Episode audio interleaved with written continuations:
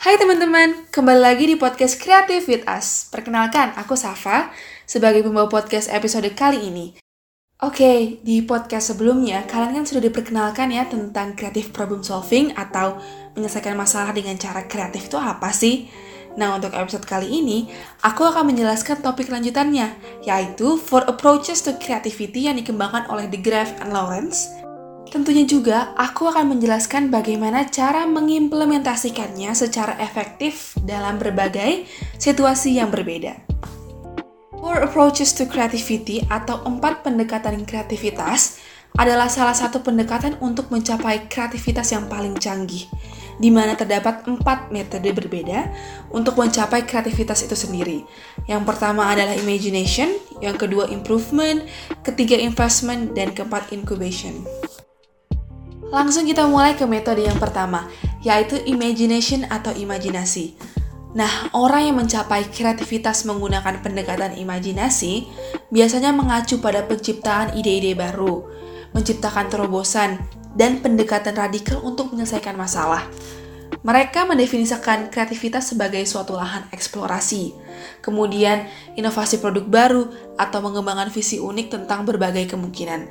Makanya ketika menghadapi masalah yang sulit ya pemecahannya, pendekatan mereka ini biasanya difokuskan pada penyelesaian yang revolusioner atau juga solusinya itu unik gitu. Tapi perlu diketahui bahwa pendekatan ini kadang sangat beresiko untuk dilakukan karena kita belum tahu kan ya bahwa sesuatu yang baru atau solusi yang baru tersebut dapat menyelesaikan masalah yang kita punya atau tidak. Jadi pastikan ketika kamu ingin menyelesaikan masalah dengan pendekatan ini, lakukan dalam keadaan yang fleksibel atau sedang tidak berada di bawah kontrol sesuatu. Orang yang menggunakan pendekatan dengan cara ini cenderung menjadi peneliti, spekulan atau spekulator, dan juga wirausahawan.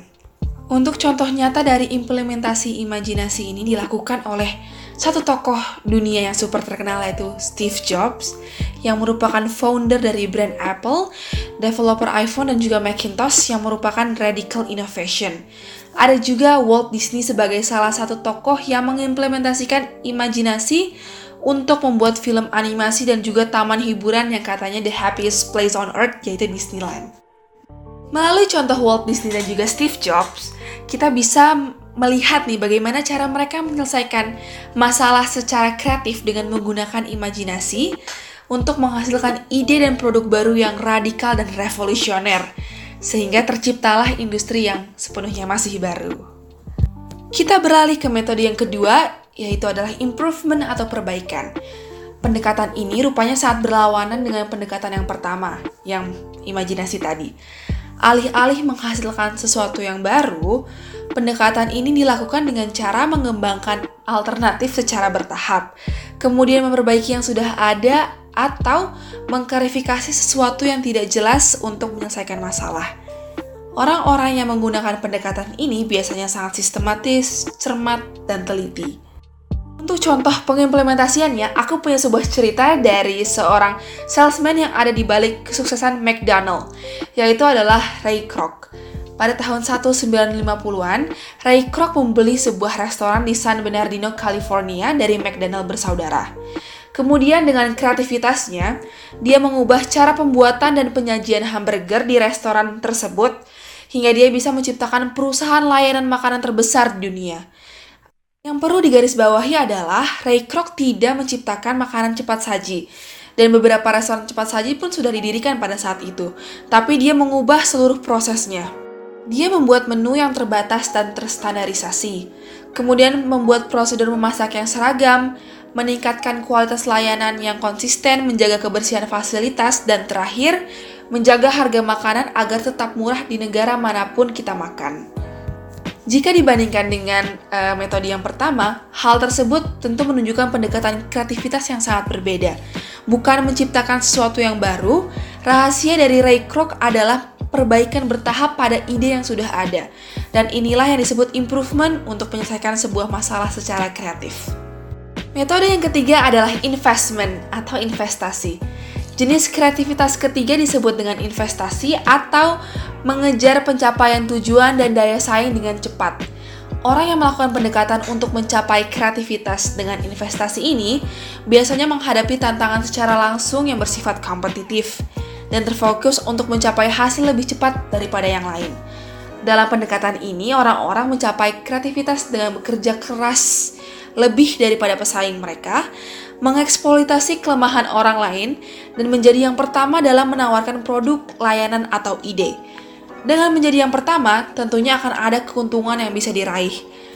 Untuk contoh implementasi investasi ini dilakukan oleh Kawashima sebagai presiden dari Honda.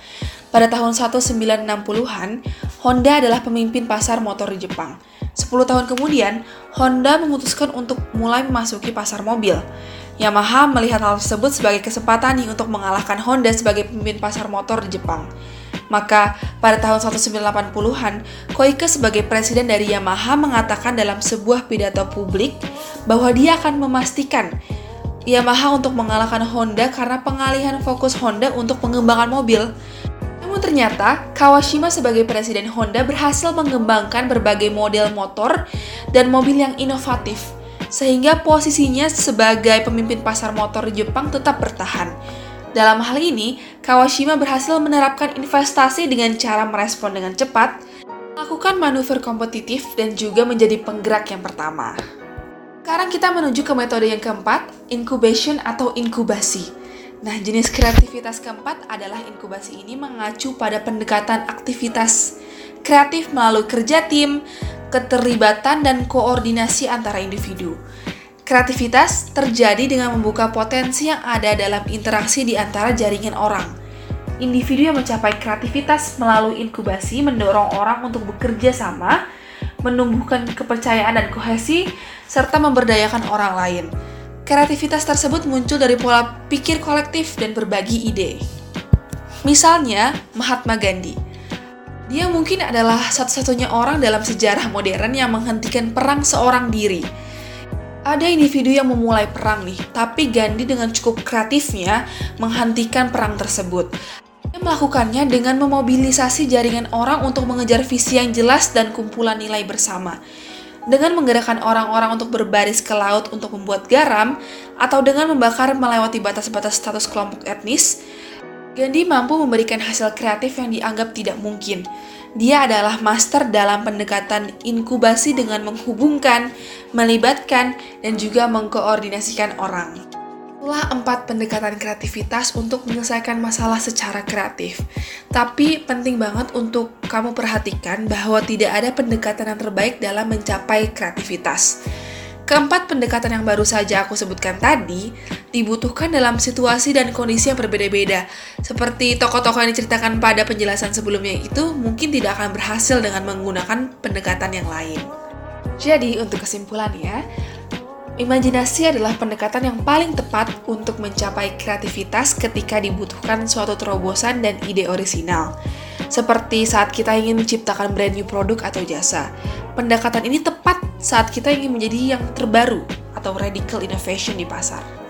Selanjutnya, pendekatan improvement paling tepat digunakan ketika diperlukan perubahan yang bertahap atau incremental innovation untuk memperbaiki sistem yang sudah ada. Contohnya, saat kita ingin memperbaiki persyaratan kualitas, keamanan, dan keandalan, juga memperbaiki standar kerja yang efektif. Improvement adalah tentang menjadi yang lebih baik.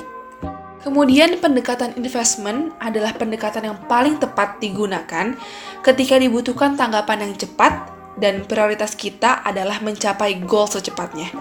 Investment atau menjadi yang pertama cocok digunakan ketika kita berada di lingkungan yang sangat kompetitif dan dibutuhkan hasil yang cepat. Untuk pendekatan yang terakhir atau pendekatan incubation, paling tepat digunakan apabila kita mengutamakan bekerja secara kolektif dan menganggap bahwa uh, keterlibatan orang lain itu penting. Incubation atau being sustainable cocok digunakan ketika kita berada pada komunitas yang beragam dengan nilai-nilai yang kuat dan membutuhkan upaya dan konsensus bersama. Oke, okay, itu dia four approaches to creativity dan bagaimana cara mengaplikasikannya tergantung situasi yang sedang dihadapi agar efektif.